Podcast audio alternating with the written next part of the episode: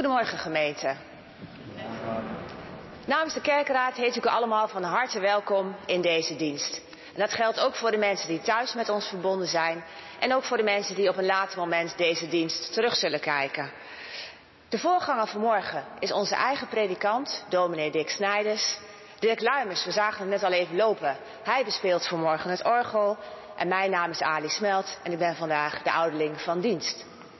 De bloemen vandaag gaan naar de heer en mevrouw Smelt, naar mevrouw Pieper en meneer Akbas, naar mevrouw Van Kerk en meneer Van der Brink en naar mevrouw Van Kleef. En het is fijn als enkele onder u na de dienst de bloemen bij deze mensen thuis zouden willen bezorgen. Namens de kerkenraad wens ik u allen een hele gezegende dienst toe.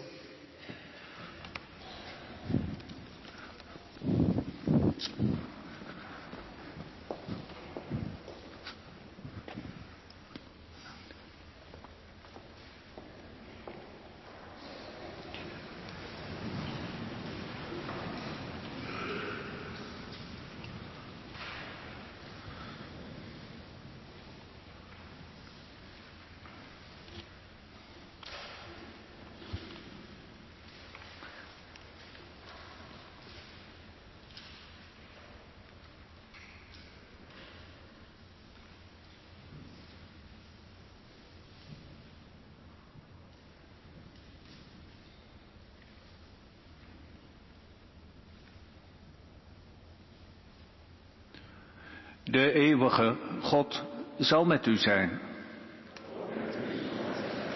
Onze hulp is in de naam van God. Zijn trouw duurt eeuwig.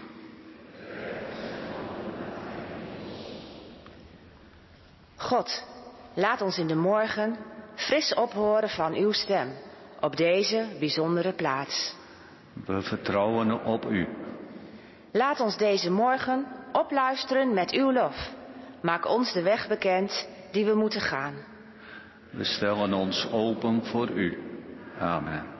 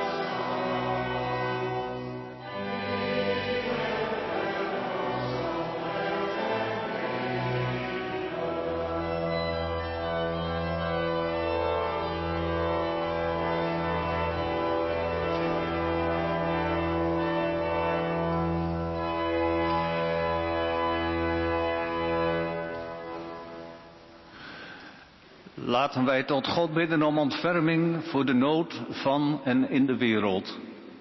En laten wij zingend zijn naam prijzen, want zijn barmhartigheid heeft geen einde. Laten wij bidden.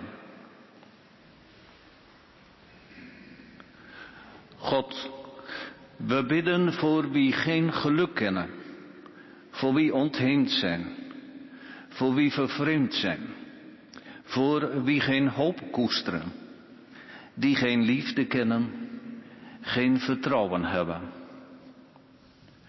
Wij bidden voor wie bang zijn, die zich bedreigd voelen, onzeker zijn voor wat de toekomst brengt. Ontferm u over ons bestaan. Zo bidden wij u tezamen.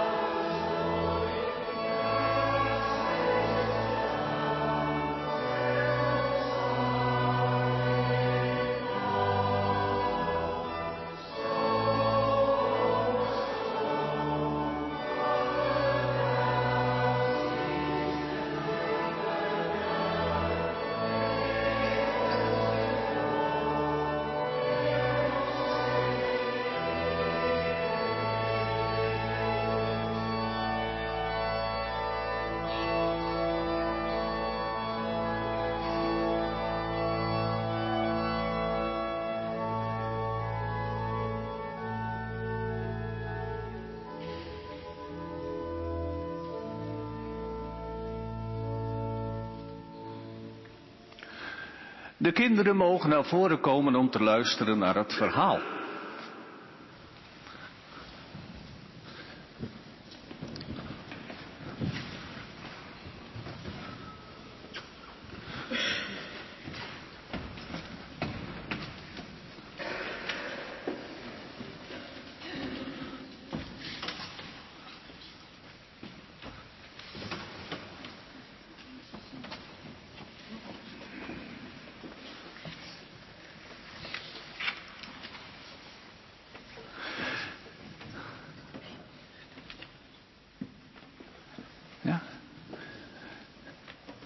Straks gaan jullie in de kinderkerk luisteren naar het verhaal van Naomi, die met haar man en twee zoons het dorp Bethlehem verlaat en ergens anders gaat wonen.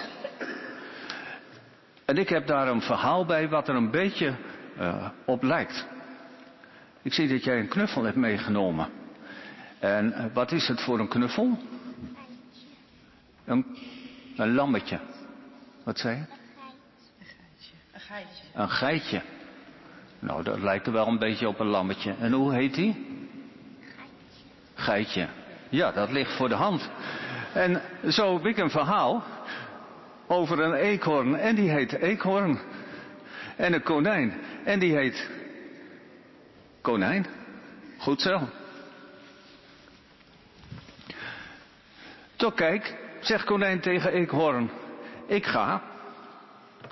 Het bos hier, het is me te druk of te stil. Het is me te nat of te droog. Het is me te warm of te koud. Ik weet niet wat ik vind, maar ik vind het niks. Ik ga.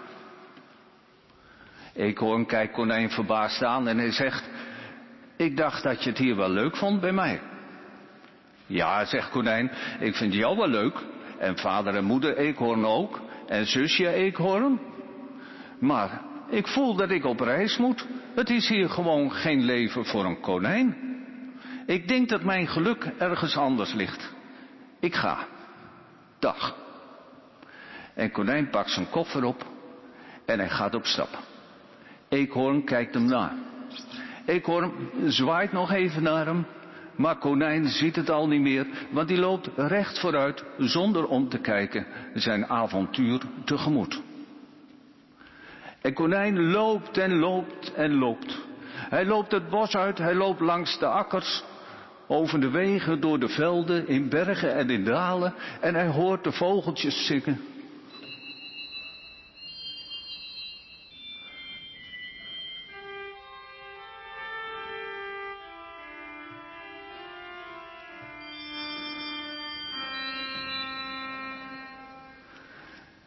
En hij komt dan op een leuk plekje. Het is er niet te warm, het is er niet te koud, het is er niet te stil en niet te druk. Het is er niet te nat en niet te droog. Perfect, denkt konijn. Dit is een heerlijk plekje voor mij. En hij zet zijn koffertje neer, hij spreidt zijn kleedje uit en hij gaat erop liggen. En konijn ligt op zijn rug en hij denkt, wat is het hier toch heerlijk. Konijn ligt op zijn buik en hij denkt, wat is het hier toch heerlijk. Konijn ligt op zijn linkerzij en hij denkt, wat is het hier toch heerlijk. En konijn ligt op zijn rechterzij en hij denkt, ik verveel me. Ik moet wat gaan doen. En konijn gaat zitten. Hij gaat staan. Hij springt eens in de lucht. Hij rent een rondje rond zijn koffer en zijn kleedje. Hij kijkt eens naar boven en hij kijkt eens naar beneden. Naar links en naar rechts. Naar voor en naar achter. Konijn verveelt zich nog steeds. En dan neemt konijn een moedig besluit. Hij zegt tegen zichzelf, ik denk dat mijn geluk hier ook niet ligt. Ik ga terug. Als konijn bij het huis van Eekhoorn komt, is het al donker. Voorzichtig doet hij de deur open. Vader Eekhoorn ziet hem en die zegt, als dat konijn niet is. Konijn, roept Eekhoorn, je bent terug. Ja, ik ben weer helemaal terug, zegt konijn.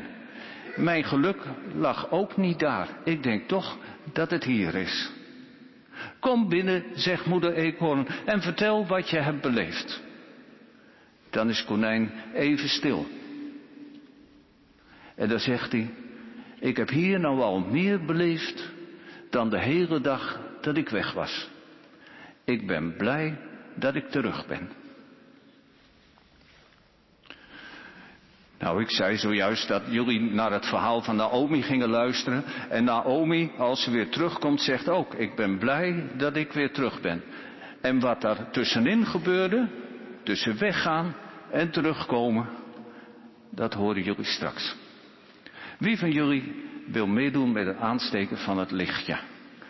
Kom maar mee. Ik heb net iemand. Misschien de volgende keer.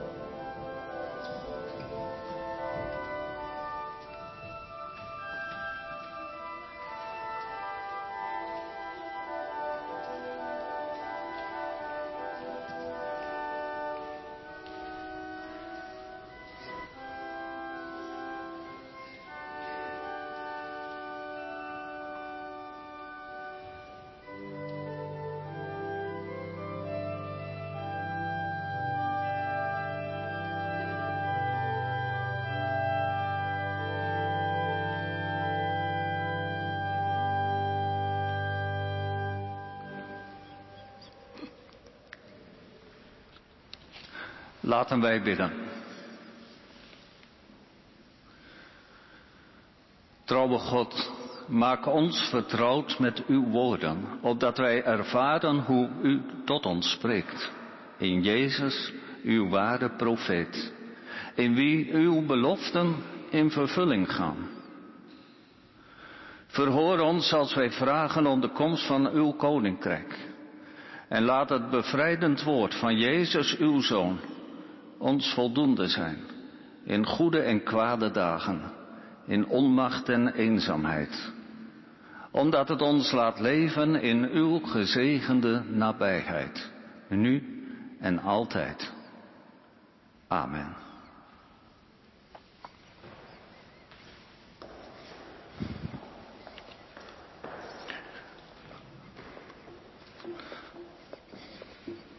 Ik lees u voor uit het boek Rut, hoofdstuk 1 vanaf vers 6.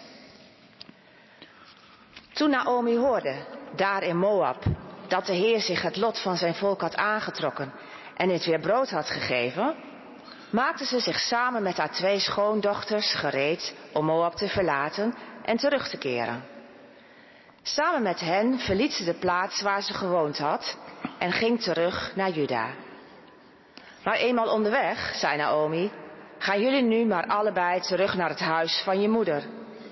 Mogen de Heer zo goed voor jullie zijn als jullie voor mij en mijn gestorven zonen zijn geweest.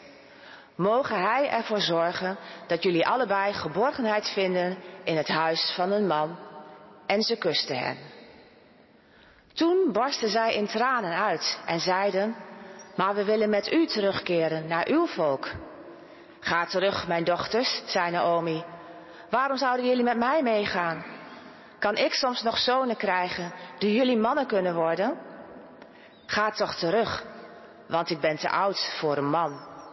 Zelfs al zou ik nog hoop koesteren, zelfs al sliep ik vannacht nog met een man en al bracht ik nog zonen ter wereld, zouden jullie dan wachten tot ze groot zijn en je ervan laten weerhouden met een andere man te trouwen?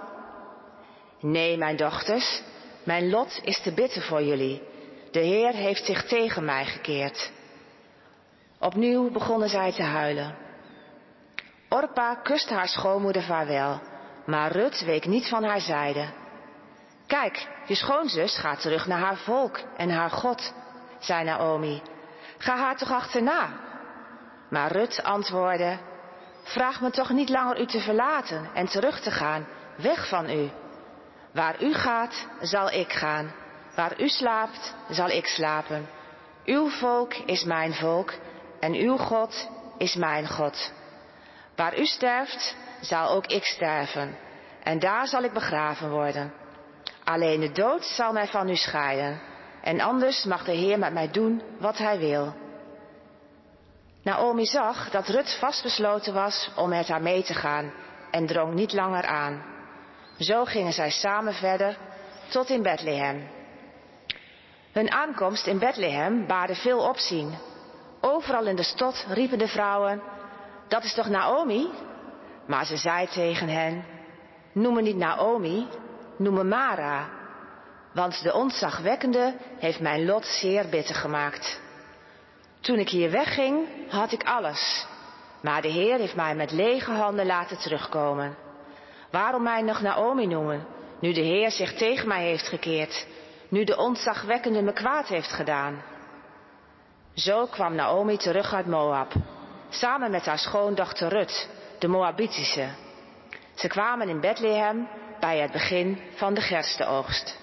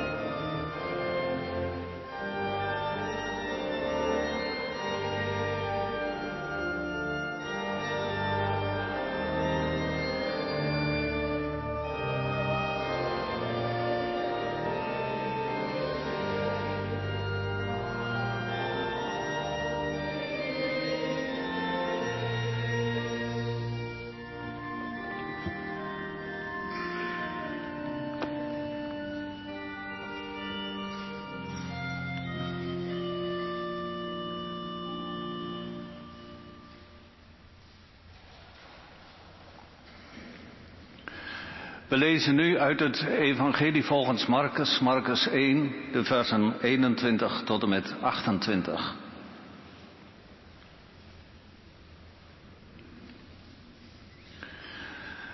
Ze kwamen in Cafarnaum en op de eerstvolgende Sabbat ging Jezus naar de synagoge en onderwees er de mensen. Ze waren diep onder de indruk van zijn onderricht, want hij sprak hen toe als iemand met gezag en niet zoals de schriftgeleerden. Op dat moment was er in de synagoge ook een man die bezeten was door een onreine geest. En hij schreeuwde, wat hebben wij met jou te maken, Jezus van Nazareth? Ben je gekomen om ons te vernietigen? Ik weet wel wie je bent, de heilige van God. Jezus sprak hem streng toe en zei, zwijg en ga uit hem weg. De onreine geest deed de man stuiptrekken en verliet hem met een luide schreeuw. Iedereen was zo verbijsterd dat ze tegen elkaar zeiden, wat is dit allemaal? Een nieuwe leer met groot gezag. Zelfs als hij onreine geesten een bevel geeft, wordt hij gehoorzaamd. Het nieuws over Jezus verspreidde zich al gauw overal in Galilea. Dit is het evangelie voor vandaag. Zalig wie het woord van God hoort en het bewaart. Halleluja.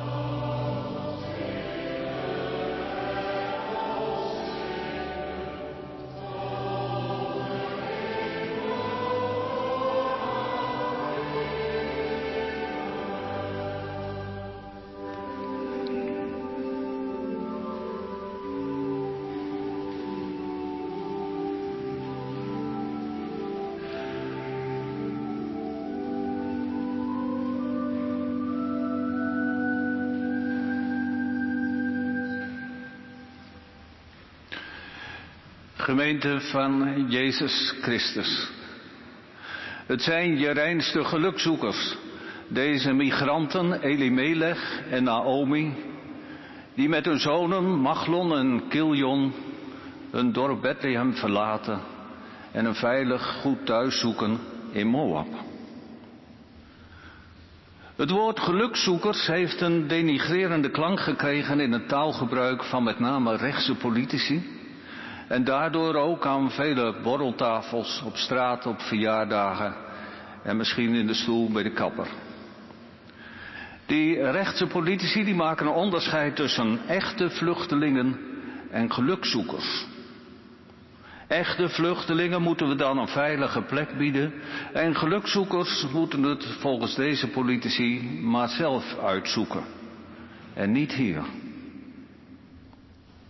Hoe je dat politiek regelt en wie gewenst is en niet gewenst, dat lijkt me een moeilijke afweging. Om recht te doen aan mensen, om de verschillende belangen in het oog te houden en om de christelijke of humanitaire waarden hoog te houden.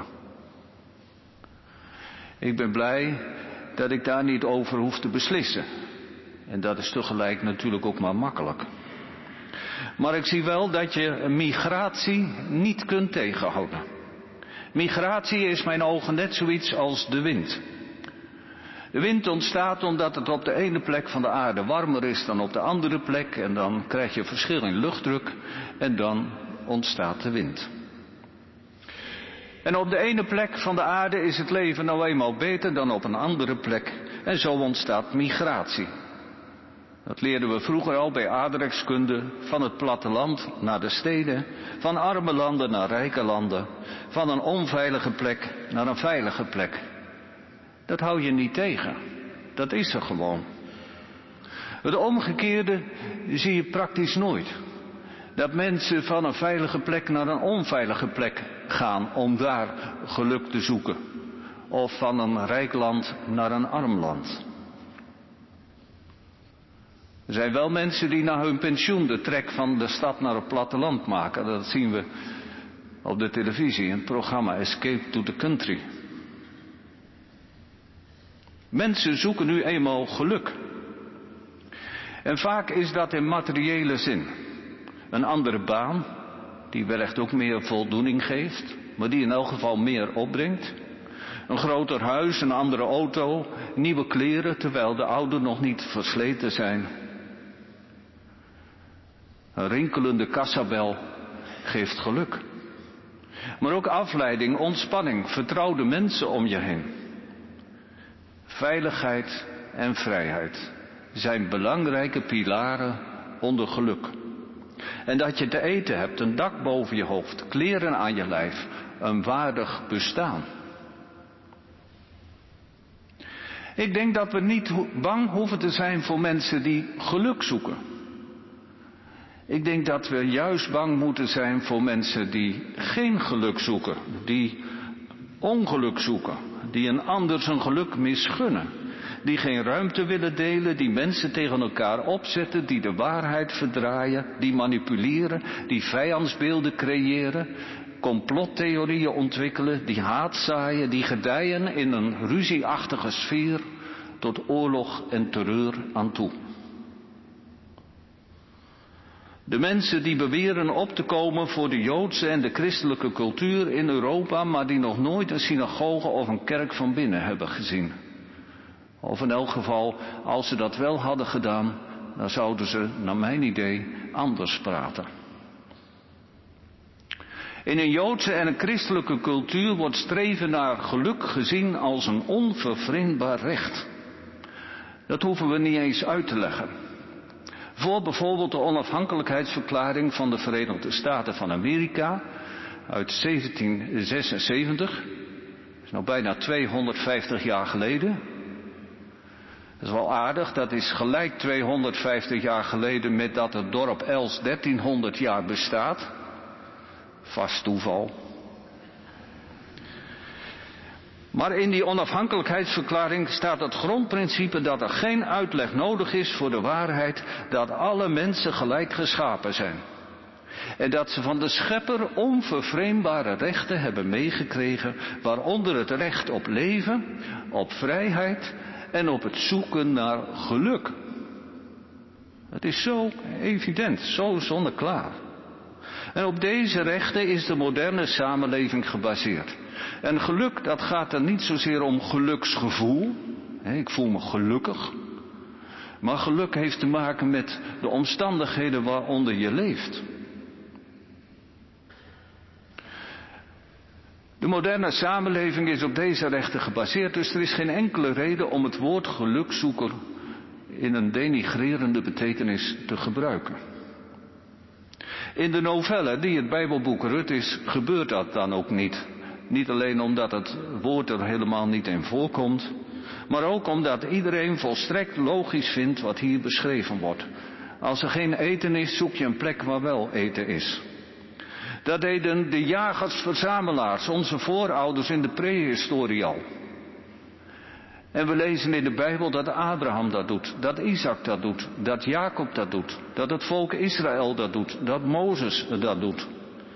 En dat doen ook Elimelech en Naomi als ze Bethlehem verlaten.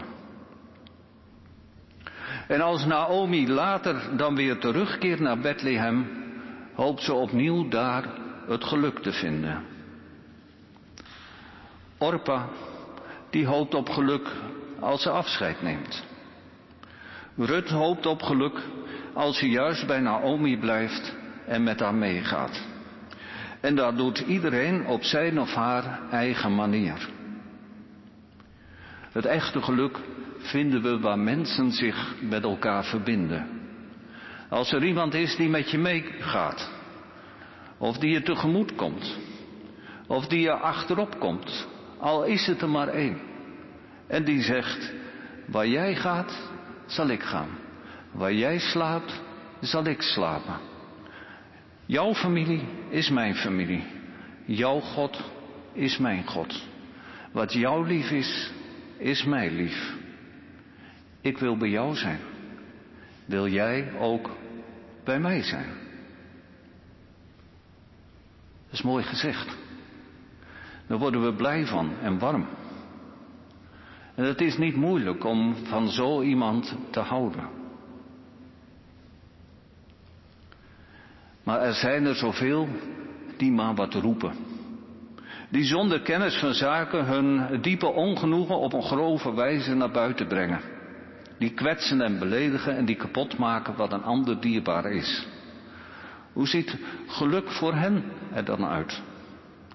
Kunnen ze hun angsten en onzekerheden hiermee overschreeuwen?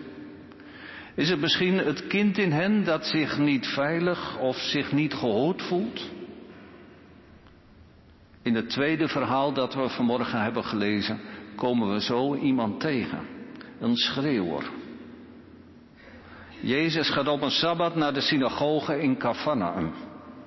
Hij onderwijst de mensen en ze zijn diep onder de indruk van zijn onderricht. Denk je eens in, het is sabbat. Je hoeft niks te doen, niet te werken. Het is een mooie dag waarop je vrij bent. Geen zorgen voor hoe je je geld moet verdienen of hoe je het uit kan geven. Je komt samen met gelijkgestemden, je hoort inspirerende woorden, waardoor je het leven beter begrijpt. Of die je enthousiast maken, die je bezieling geven. Even valt alles samen. Een moment van geluk. Toch ook een geluksgevoel misschien. En dan is het kapot. Het gekrijs van iemand die zichzelf niet schijnt te zijn. Een mens die afstand creëert, vijandschap. Wat hebben wij met jou te maken, Jezus van Nazareth? Hoor je, van Nazareth? We zijn hier in Cafarnaum, jij bent niet van hier. Wat doe je hier? Je bent zeker gekomen om ons te vernietigen. Ik ken je ware aard, mij hou je niet voor de gek, je zit in een complot. En ik doe het. Jij bent de heilige van God. Waarom zo tekeer gaan tegen de heilige van God? Zich afsluiten, zich niet laten raken, niet laten meenemen, niet meedoen. En Jezus spreekt de man streng toe, zwijg en ga uit hem weg. Als een soort moderator op de social media, die nepnieuws, complottheorieën en grof taalgebruik verwijdert en weert. Die zouden er meer moeten zijn. En welke kwade stemmen zouden wij willen laten zwijgen? Welke kwade geesten herkennen we om te beginnen in onszelf en vervolgens om ons heen? Geven we die stem of laten we ze zwijgen? Schreeuwen we mee met alle onvrede? Als Jezus ons raakt, als Jezus ons aanspreekt, woorden die oprichten, die doen opstaan, maakt dat ons tot blije, verloste mensen die God willen danken en loven.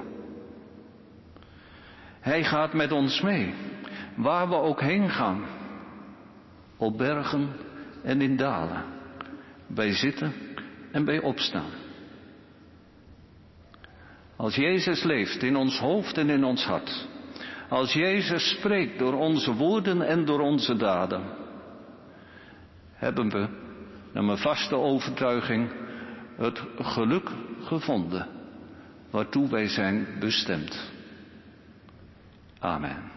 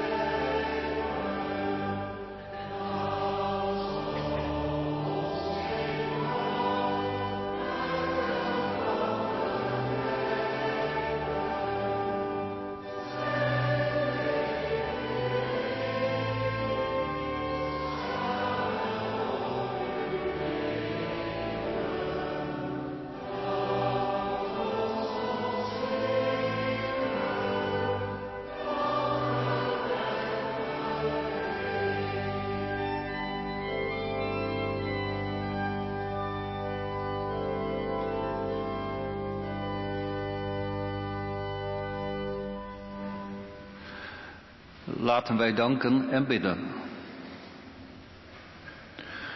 God, wij danken u voor het leven dat we samen kunnen delen, voor ons samen zijn, voor de bezieling die uit uw woord spreekt.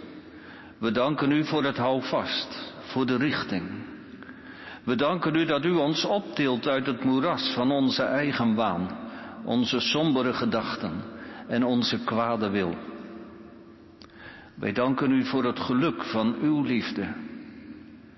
We danken u dat u ons niet aan ons lot overlaat, dat u nabij bent en dat u ons ook aan elkaar schenkt. Geef dat wij van dat geluk willen delen en ons in dienst stellen van uw rijk, waarin plaats is voor iedereen. Zo bidden wij u tezamen.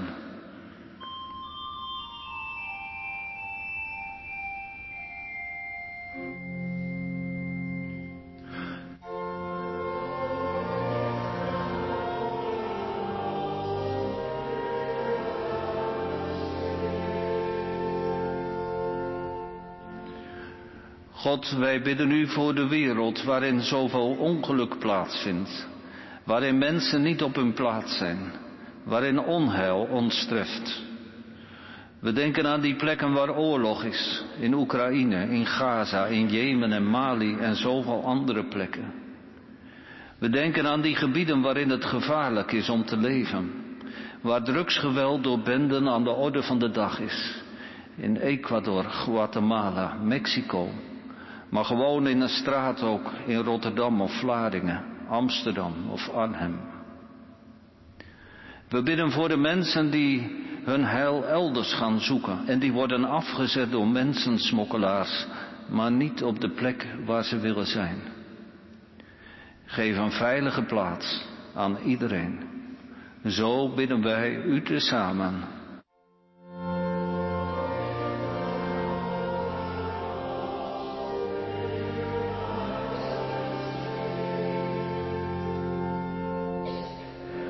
God, u kent ons leven, u kent ons innerlijk door en door.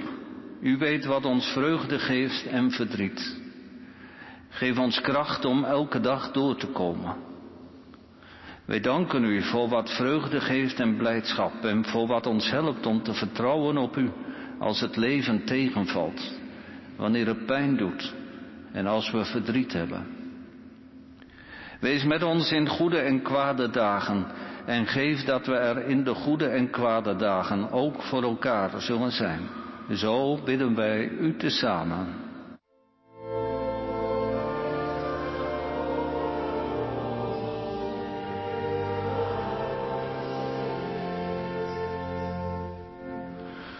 God, wees met ons en spreek tot ons, nu wij stil zijn.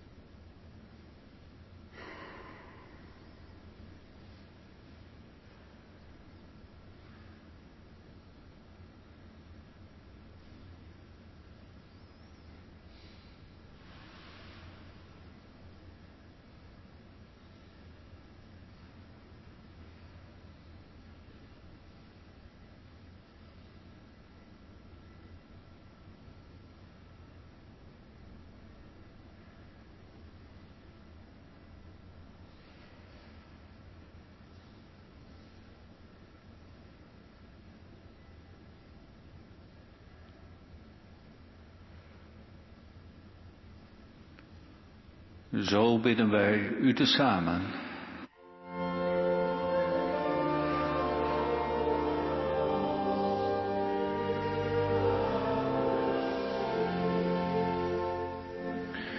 En wij bidden, onze Vader in de hemel, laat uw naam geheiligd worden. Laat uw koninkrijk komen. Laat uw wil gedaan worden, op aarde zoals in de hemel. Geef ons vandaag het brood dat we. Vergeef ons onze schulden, zoals ook wij vergeven wie ons iets schuldig is. En breng ons niet in beproeving, maar red ons van het kwaad. Want aan u behoort het koningschap, de macht en de majesteit in eeuwigheid. Amen.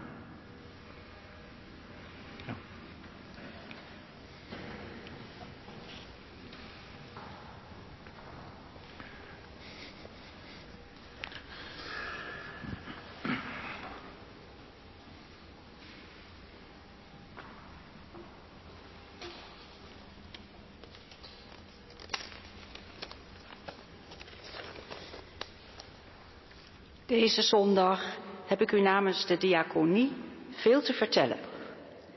Een verhaal voor nood in de Betuwe en een verhaal voor nood in Bangladesh. De eerste collecte is voor noodvondst Betuwe. De financiële crisis van 2017 zorgde voor stille armoede en de groep minima groeide aanzienlijk. Een groot deel van de, van, deel van de Overbetuwse kerken en instellingen hebben samenwerking gezocht om sneller hulp te kunnen bieden. Door de krachten te bundelen kan niet alleen sneller, maar ook evenwichtiger en eerlijkere hulp geboden worden aan mensen in acute financiële, materiële en immateriële nood. Daarbij worden de individuele diaconieën iets ontlast in de zorg voor behoeftigen. Dit is natuurlijk ook een taak van de gemeente Overbetuwe. Zij hebben de oprichting van de Stichting Noodfonds onderstreept met financiële steun. Zij zagen ook wel in dat de gemeente niet altijd in staat is adequaat en snel op noodsituaties te kunnen inspringen. Ontdekt u zelf eens de mooie symbolische betekenis van het logo van de Stichting Noodfonds. Het is gelinkt aan een Bijbelverhaal uit Exodus. Met de strekking van dit verhaal geeft het noodfonds hun werking weer. Zij willen mensen helpen, niet buitenspel zetten, maar hen bij de hand nemen, ondersteunen en helpen, als zij op eigen kracht het even niet meer lukt. Ons lukt het vast wel om financieel de stichting te steunen. De tweede collecte is voor onze eigen kerk. De derde collecte is voor Bangladesh. Na de watersnoodramp van 1953 werd Nederland beschermd tegen overstromingen. We hadden de kennis in huis en ook kwam er geld beschikbaar. In veel andere landen moeten mensen zelf tegen wateroverlast vechten. Daarom collecteren we voor boeren in Bangladesh. Die lijden onder klimaatverandering. Daardoor zijn er meer cyclonen en overstromingen. Kerk in actie helpt boerengezinnen om zich aan te passen aan deze verandering. Ze krijgen trainingen in huisvesting, de landbouw en mensen beter te beschermen tegen rampen. Borbian, Mandal aan het woord. Er zijn vaker overstromingen en het water wordt zilter. Mijn gewassen kunnen daar niet tegen. De opbrengst is minder of helemaal niks. Via Kerk in Actie heb ik geleerd om mijn gewassen op een bamboegeraam te bouwen boven de grond, zoals pompoenen. Ik verbouw ook gewassen die beter tegen verzilting kunnen. Ook leg ik kleine dijkjes aan om water op de akker tegen te houden. We verbouwen nu ook gewassen op een bed van waterplanten Het gewas stijgt zo mee tegen het opkomende water. Ook zijn er evacuatieplannen en waarschuwingssystemen in de dorpsgemeenschap om voorbereid te zijn op de rampen. Helpt u boer Bian mee en andere boeren om zich te ontwikkelen, om te overleven en zelfsupporting te zijn in hun strijd tegen klimaatverandering in Bangladesh. U vindt op de blikvanger hoe u uw gaven kunt geven.